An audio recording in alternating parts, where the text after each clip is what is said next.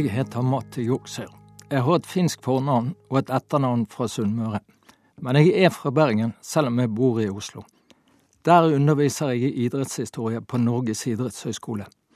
Som idrettshistoriker er det nesten en forutsetning, i hvert fall en stor fordel, å være over gjennomsnittet interessert i idrett og sport. Jeg må jo innrømme at jeg er det. Jeg har fulgt med på alt mulig nesten siden jeg var ung gutt, men jeg tenkte aldri på at dette kunne bli et levebrød. Idrett handler om identitet og mestring, om lidenskap og ærlig slit. Det handler om spenning, overraskelser, uforutsigbarhet.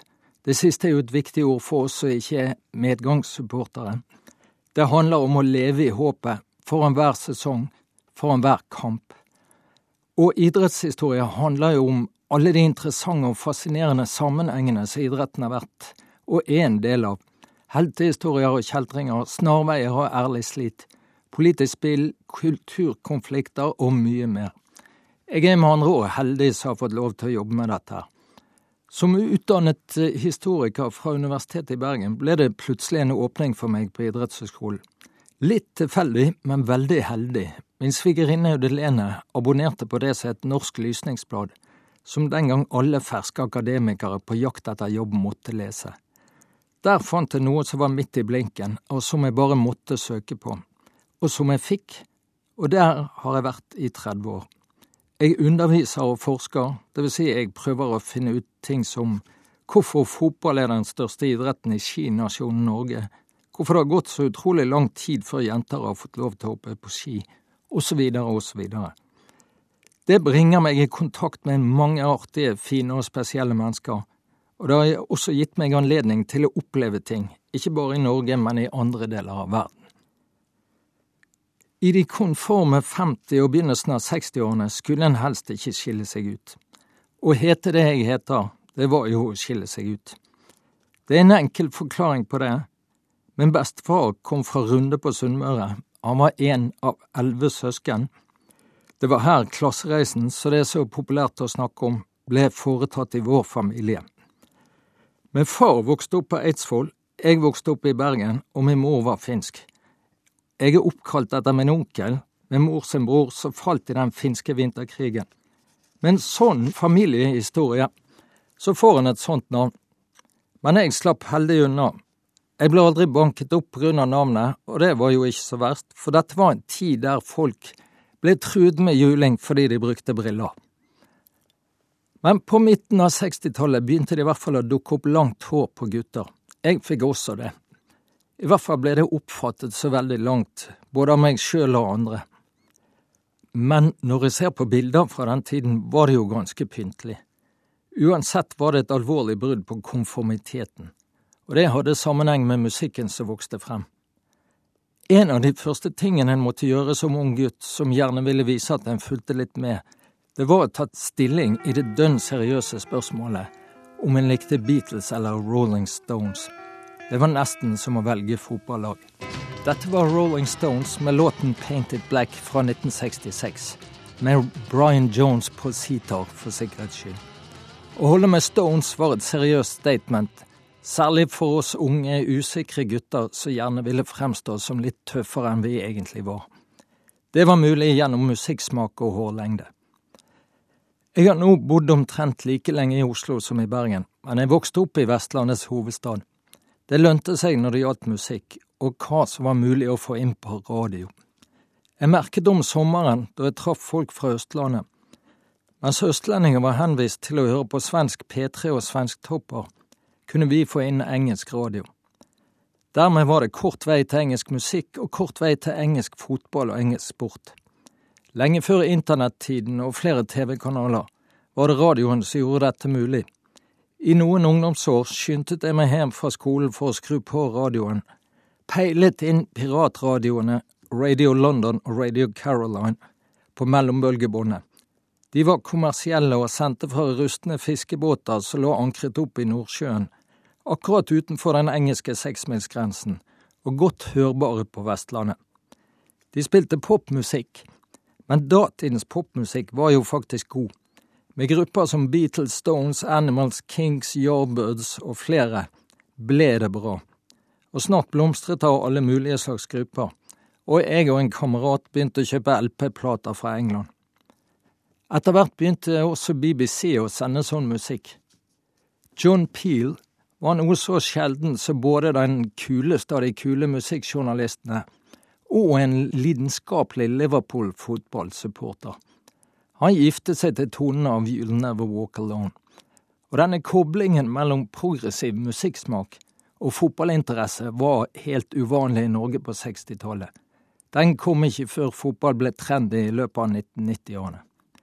I Norge hørte vi på Harald Are Lund, som blant annet introduserte blues. Dette var Muddy Waters med Hoochie Coochie Man. BBC hadde også et annet ukentlig program som kom til å sette spor i min lett påvirkelige sjel nemlig det som ble sendt hver lørdag ettermiddag. BBC Sports Report med The Classified Football Results. Det var ukens høydepunkt. Tall og tabeller kan også være en form for lidenskap. Og vi heldige nordmenn som fikk inn BBC Sports Report, vi fikk så det monnet. Hele det engelske og skotske ligasystemet, med alle fire divisjonene i England, hver lørdag ettermiddag klokken fem engelsk tid. Og vi lærte ikke bare riktig engelsk uttale av stedsnavn, for eksempel at tippekupongens Leicester ikke uttales Leicester, som en del av oss trodde. Vi ble også innvevd i tallenes magi, i forventningene som bygges opp av James Alexander Gordon og hans forgjengeres nøye innstuderte tonefall, og i tallene selv, West Bromwich Albion nil, Nottingham Forest 2. Sjelden spiller et enkelt tall en så stor følelsesmessig rolle for så mange mennesker. Dette regelmessige ritualet med radiooverførte fotballresultater fra et fremmed land skapte bilder av steder man ikke visste hvor var, en slags tallpoesi.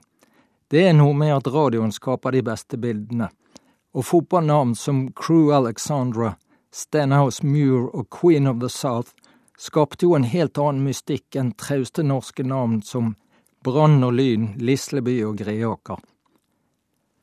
Og det bygget opp min interesse for engelsk fotball. På denne tiden, i 12-13-årsalderen, var jeg et blankt ark som bare ventet på å bli innhentet av de store klubbene, av Tottenham, Liverpool, Arsenal og Leeds. Jeg må innrømme at jeg hadde et godt øye til Tottenham.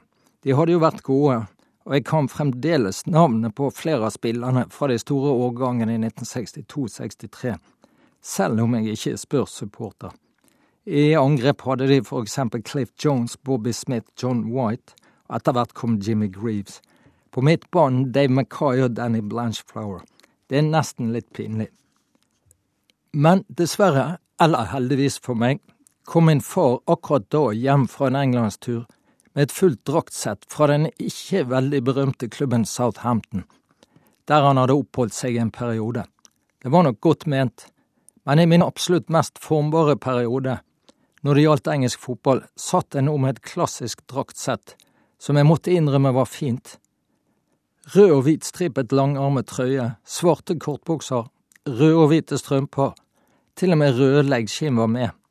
Jeg hadde aldri sett en sånn ekte fotballdrakt på nært hold før. Jeg måtte ta den på meg og gå ut i gaten med han. Der vakte han oppsikt, og min skjebne var beseglet. Jeg var dømt til å bli en Saints-tilhenger. Det finnes de som har hatt det verre. Det er mange historier om mødre som nektet sine unge sønner å bli Leeds-tilhengere. Leeds spiller nemlig i helhvite drakter, altså ikke en veldig praktisk farge for et plagg som måtte regne med å bli ganske møkkete.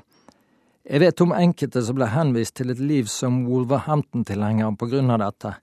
De hadde mer praktiske drakter, i en gulbrun farge, på den tiden kunne mødrene bestemme sånt. Men min Southampton-tilknytning vil si at jeg har levd mesteparten av mitt engelske fotballiv i en evig kamp for å unngå nedrykk, eller for å rykke opp etter at vi var rykket ned.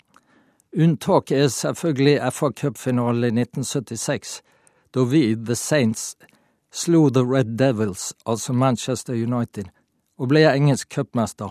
Det var store dager. Bare så synd at omgivelsene mine, både familie og medstudenter ved Universitetet i Bergen på den tiden, ikke helt forsto og anerkjente det store i det som skjedde. Det kan også komme av at finalen ble spilt på 1. mai, noe som ble tolket som respektløst av fotballmotstanderne. De nektet å høre på at fotball var arbeiderklassens sport i England, og at cupfinalen dermed var folkets festdag. Jeg har lenge lurt på hva er det med fotball? Hva er det med dette spillet som gjør at en finner det alle steder? Når jeg reiser med fly og kikker ut og ned om kvelden, så har det slått meg at det alltid finnes en opplyst fotballbane i alle byer i Europa. Små og store steder i Norge finnes det alltid en mer eller mindre gjengrodd fotballbane. Små steder med smått om plass. Likevel har folk prioritert å lage baner for fotball. De utallige banene vitner om en aktivitet som fascinerer og gleder mange. Gleden ved aktiviteten står i kontrast til smerten mange tilskuere og tilhengere av bestemte klubber risikerer å oppleve. For de fleste med en spesiell klubb i sitt hjerte er spillet et faremoment. Det kan alltid gå galt. Jeg har for eksempel den vanskjebne å ha et norsk favorittlag som notorisk underpresterer og er en sikker kilde til evig frustrasjon, nemlig den kjente sportsklubben Brann. Som bergenser hadde jeg ikke mye valg. Hvorfor fortsetter jeg da å interessere meg, spør jeg meg sjøl. Det må jo være fordi fotball er en irrasjonell arena, der håp er det siste som forsvinner. Fordi det er en sjelden, veldig sjelden gang dukker opp en glede som er ubeskrivelig, som bare tar meg på en måte jeg aldri trodde jeg skulle oppleve. I 2007 var det 44 år siden Brann sist hadde vunnet seriegull. Forrige gang, høsten 1963, var jeg ti år gammel, og det store i det som den gang skjedde, hadde ikke helt fått taket på meg. Dessuten hadde det skjedd året før, så jeg trodde at dette var vanlig. Det viste det jo seg ikke å være og en lørdag i oktober 2007 befinner jeg meg etter en spontan beslutning på et fly til Bergen og oppdager at jeg ikke er alene. Flyet er godt besatt av menn på min egen alder, som alle ser ut til å ha fått den samme dragningen. Vi må jo være der hvis det utrolige skulle skje at Brann endelig vinner serien. Det skulle avgjøres i kveld. Det gjorde ingenting at Brann spilte borte i Ålesund. Det var jo feiringen i Bergen det var viktig å være med på. Storskjerm på Festplassen og en by som ikke summet, ikke sydet, men kokte av forventning. At denne lørdagskvelden ble et antiklimaks, Brann tapte og alle tilreisende ble snytt for den store opplevelsen, ble i den store sammenhengen av mindre betydning. Det kom flere anledninger, og endelig lyktes det. Men det var denne lørdagen som virkelig viste noe av den uforklarlige dragningen fotball kan ha på mennesker som ellers regner seg som noenlunde tilregnelige personer. Når fotballidenskap kombineres med tilhørighet og identitet, kan det bli sterkt. I 1990-årene opplevde Karl Johans gate i hovedstaden scener som aldri var sett før, i hvert fall ikke med fotball som utløsende faktor. Normalt liv opphørte, folk stormet ut i gatene for å feire. Miraklet i Marseille, da Norge slo Brasil 2-1 i fotball-VM i 1998, er et av disse øyeblikkene som kan vokse inn i en kollektiv hukommelse. Både for de som var til stede på Stad Velodrom i Marseille, som jeg var så heldig å være, og for de som var hjemme i Norge, var dette øyeblikk da fotballen nærmet seg sin magiske kraft. Jeg var i Marseille med gode kamerater. Jeg hadde skaffet billett gjennom gode forbindelser. I sånne situasjoner er det ikke galt å bruke forbindelser. Jeg møtte den eldste sønnen min som hadde tatt tog tur-retur Oslo-Marseille. Det var den billigste reisemåten den gangen på et knapt reisebudsjett. Vi hadde en stor kveld. Miraklet som mange drømte om, men som knapt noen våget å tro på, hadde inntruffet. En vennlig innstilt, men først og fremst modig dommer, fra USA av alle steder, hadde blåst straffe til Norge. For det fikk han pepper av Sepp Blatter. Nå skal det sies at en fotballbane, og særlig fotballtribunene, er et sted der det strides om sannheten. Den finnes i mange varianter og versjoner, og det foregår en stadig kamp og rivalisering om sannheten. Ett kamera kan vise en tilsynelatende opplagt situasjon. En annen kameravinkel kan vise noe annet og forkludre det tidligere så klare bildet. Denne offisielle TV-sendingen fra kampen var uklar. Heldigvis for Norges del var det et svensk kamerateam til stede bak Brasils mål og kunne vise at dommeren hadde rett. Tore André Flo ble revet i trøyen og straffen var riktig dømt. Dette var Luciano Pavarotti med Torna a Sorrento. Pavarotti hadde tidligere vist sin fotballinteresse ved å opptre under fotball-VM i Italia i 1990. Etter kampen ble det feiret som bare fotballkamper kan feires. Jeg husker at jeg og massevis av andre nordmenn befant meg nede ved havnen. Der fantes det en telefonkiosk som jeg prøvde å ringe hjem fra. Det fantes det på den tiden. For å formidle det glade budskap. Det var ikke så lett når telefonkiosken holdt på å knekke sammen av glade nordmenn som danset på taket. Men slike opplevelser er unntakene for de fleste av oss. I hverdagen må en klynge seg til de små gleder, for innimellom dukker det alltid opp andre småting en kan få lyst seg over. Det er ikke alltid edle følelser en fotballtilhenger går og bærer på. Det må innrømmes. En erkefiendes ydmykende nederlag kan være en aldri så liten opptur i en ellers så trist hverdag. Ironi og sarkasmer er gode våpen i et prøvet fotballiv. Ove Tue var og er god på ironi. Det er ikke alle ikke-bergensere som har skjønt at det ligger en god porsjon av det i hans kjente brannsanger. Jeg skal ikke spille noen av de. I stedet skal vi ut på en liten sykkeltur, fra Bergen til Voss. Det er også et sykkelritt som ikke går strake veien. Dermed blir det 170 km, langs fjord og over fjell, med vakker utsikt hvis været er godt. 170 km er akkurat så langt at det begynner å gjøre vondt i verste steder. I hvert fall hvis treningen som vanlig ikke har vært god nok. Her kommer et slags referat. Sykling er en fascinerende idrett, både å drive med sjøl og å se på. Og jeg har gjort begge deler.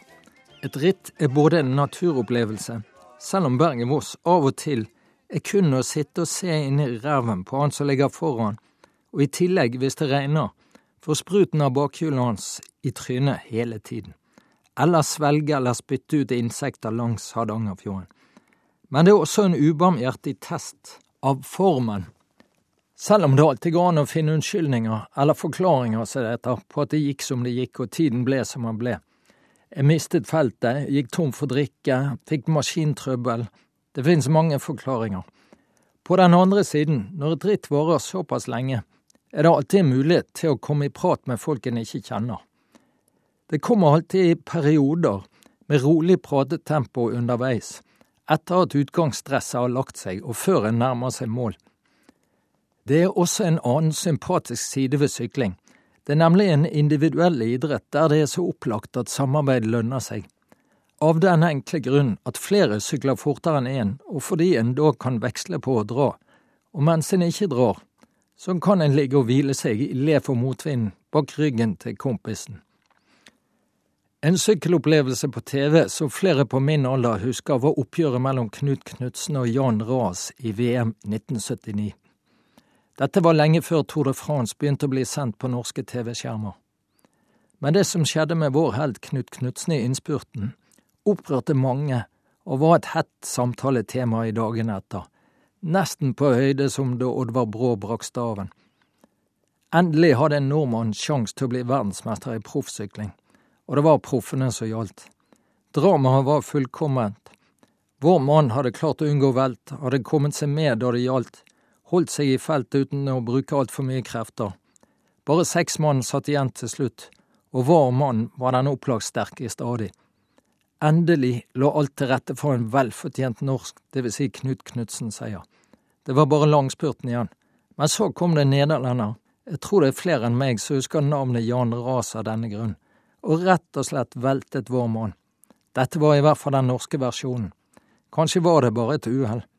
Det var vanskelig å si, for TV-dekningen i 1979 var ikke like god som i dag. Alt vi så var at plutselig var vår mann borte. Noe måtte ha skjedd. Dette er en av de bitre nesten-historiene som idretten er så full av. Alle de gangene vi har vært så nær, men så endte det opp med ingenting. I Knudsens tilfelle rullet han inn til en sjetteplass, som var jevngodt med ingenting. Sykkel er jo på mange måter en langsom idrett. Et ritt kan vare i seks-syv timer, men det kan likevel inneholde en masse drama.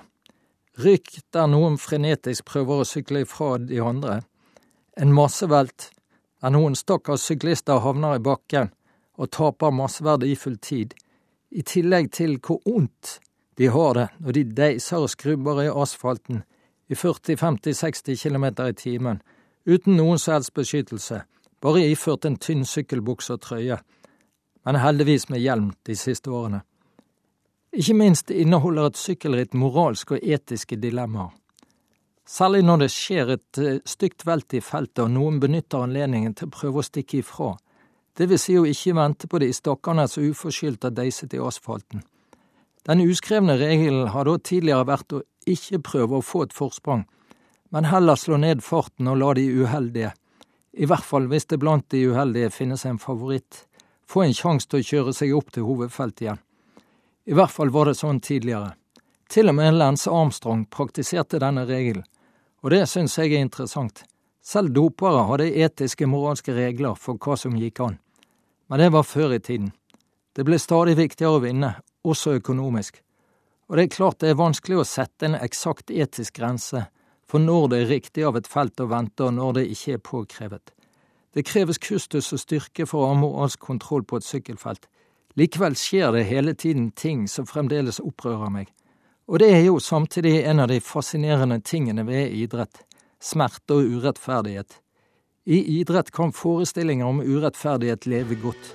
Det er jo selve eksistensgrunnlaget for mange fotballsupportere, dette her. At verden er urettferdig, og nettopp derfor gjelder det å ikke gi opp. Vi hørte Don't Let Me Be Misunderstood. Originalen til denne sangen ble skrevet for Nina Simone, men ble gjort kjent i 1965 av The Animals. Her hørte vi en versjon av Elvis Costello. Du hører på Sommer i P2. Jeg heter Matti Goksøyr. Jeg tror jeg er nærmest altetende når det gjelder sport. Når jeg har muligheten, bruker jeg pinlig mye tid på å se alskens sport på TV. Nå for tiden kan jeg prøve å unnskylde meg med at det er en del av jobben, men jeg sliter nok med å overbevise mine nærmeste om det, og jeg har nok alltid vært sånn. Det gjorde for eksempel evig inntrykk på meg når NRK TV hvert år på 60-tallet sendte så ulike ting som The Boat Race, den årlige kapproingen mellom Oxford og Cambridge-universiteter nedover Themsen. En stor institusjon hver vår i England, og altså videreformidlet til glupske, sportshungrige nordmenn. Dette var på den tiden det var svært lite fotball på norsk TV, kun i Sportsrevyen hver søndag. I tillegg til The Boat Race sendte en også Grand National, et årlig galoppritt fra Aintree-banen utenfor Liverpool, som også klarte å appellere til meg, selv om jeg er en type som verken går på Bjerkebanen eller Øvrevoll hvis jeg har sjansen. Likevel var det et eller annet eksotisk og spennende som ble formidlet på en overbevisende måte av kommentatorene. Jeg kjøpte rett og slett budskapet om at dette var verdt å bruke tid på. Det var spennende. Og at idrett kan være en viktig del av en nasjons kultur og bety noe for svært mange, fikk jeg et sterkt innblikk i i juni 1995. Da var jeg så heldig å komme til Sør-Afrika. Det var en spesiell tid. Sør-Afrika var blitt verdensmester i rugby for første gang. De innvidde vil vite at rugby var det hvite Sør-Afrika, særlig boernes, nasjonalsport. Likevel var det tydelig at noe helt spesielt hadde skjedd. President Nelson Mandela hadde tatt på seg en landslagstrøye. Og ikke en hvilken som helst rugbytrøye, men den apartheidbefengte springbokstrøyen, som ble kalt, trøyen til det hvite rugbylandslaget. Det var en politisk handling av dimensjoner. At stemningen lå i luften, er mildt sagt. Jeg traff flere sørafrikanere som på fullt alvor uttalte for første gang i mitt liv følte jeg patriotisme. Jeg følte jeg var virkelig sørafrikaner i mitt hjerte. Jeg var stolt. Og lignende ting. Under åpningskampen i Cape Town opplevde verden det hittil uhørte, at et fullsatt stadion taktfast ropte navnet på landets president, Nelson Mandela, og sang landets nye nasjonalsang. Svarte, fargede og hvite sto for første gang sammen om noe, og samlingssymbolet var utrolig nok rugbylandslaget. Utrolig ikke først og fremst fordi dette var et landslag med bare én svart spiller, og fordi dette var en sport som hadde vært det hvite Sør-Afrikas offisielle nasjonalsport. Da president Mandela iførte en springbokstrøye etter finalekampen mot arvefienden og favoritten New Zealand, kunne overrekke seierstrofé til lagets kaptein Francois Pienaar, var dette uten å overdrive et sterkt og beveget øyeblikk. Rugby har blitt spilt i Sør-Afrika helt siden slutten av 1800-tallet, både blant svarte, fargede og hvite. I Cape Town fantes det for eksempel egne muslimligaer og kristne ligaer. Likevel ble spillet fra 1940-årene gjort til et symbol for hvite, mannlige sørafrikanere av boarett, de afrikansktalende. Og rugby ble en hvit sport. Spesielt synlig ble dette fra 1960-årene, da idrett så alt annet i Sør-Afrika, politikk, utdanning, kjærlighet, bosteder, ble strengt segregert. I apartheidperioden ble det vedtatt lover som i dag synes mer groteske enn en skulle tro var mulig. Lover om bosetting fordrev ikke-hvite fra bydeler hvor de hadde levd i opptil 100 år. De ble tildelt uh, nye townships, spesielt tildelte boområder, inngjerdet og med utgangstillatelse hovedsakelig for arbeidsformål. Rundt Cape Town ble titusener i indiske og fargede boområder direkte etnisk renset, fordi disse forstedene var blitt erklært som hvite områder. Kjærlighet, for ikke å snakke om ekteskap på tvers av rasene, var strengt forbudt. Idretten ble delt opp i rasedelte forbund. Ingen kamper mellom hvite og svarte rugbylag var tillatt, heller ikke blandete lag.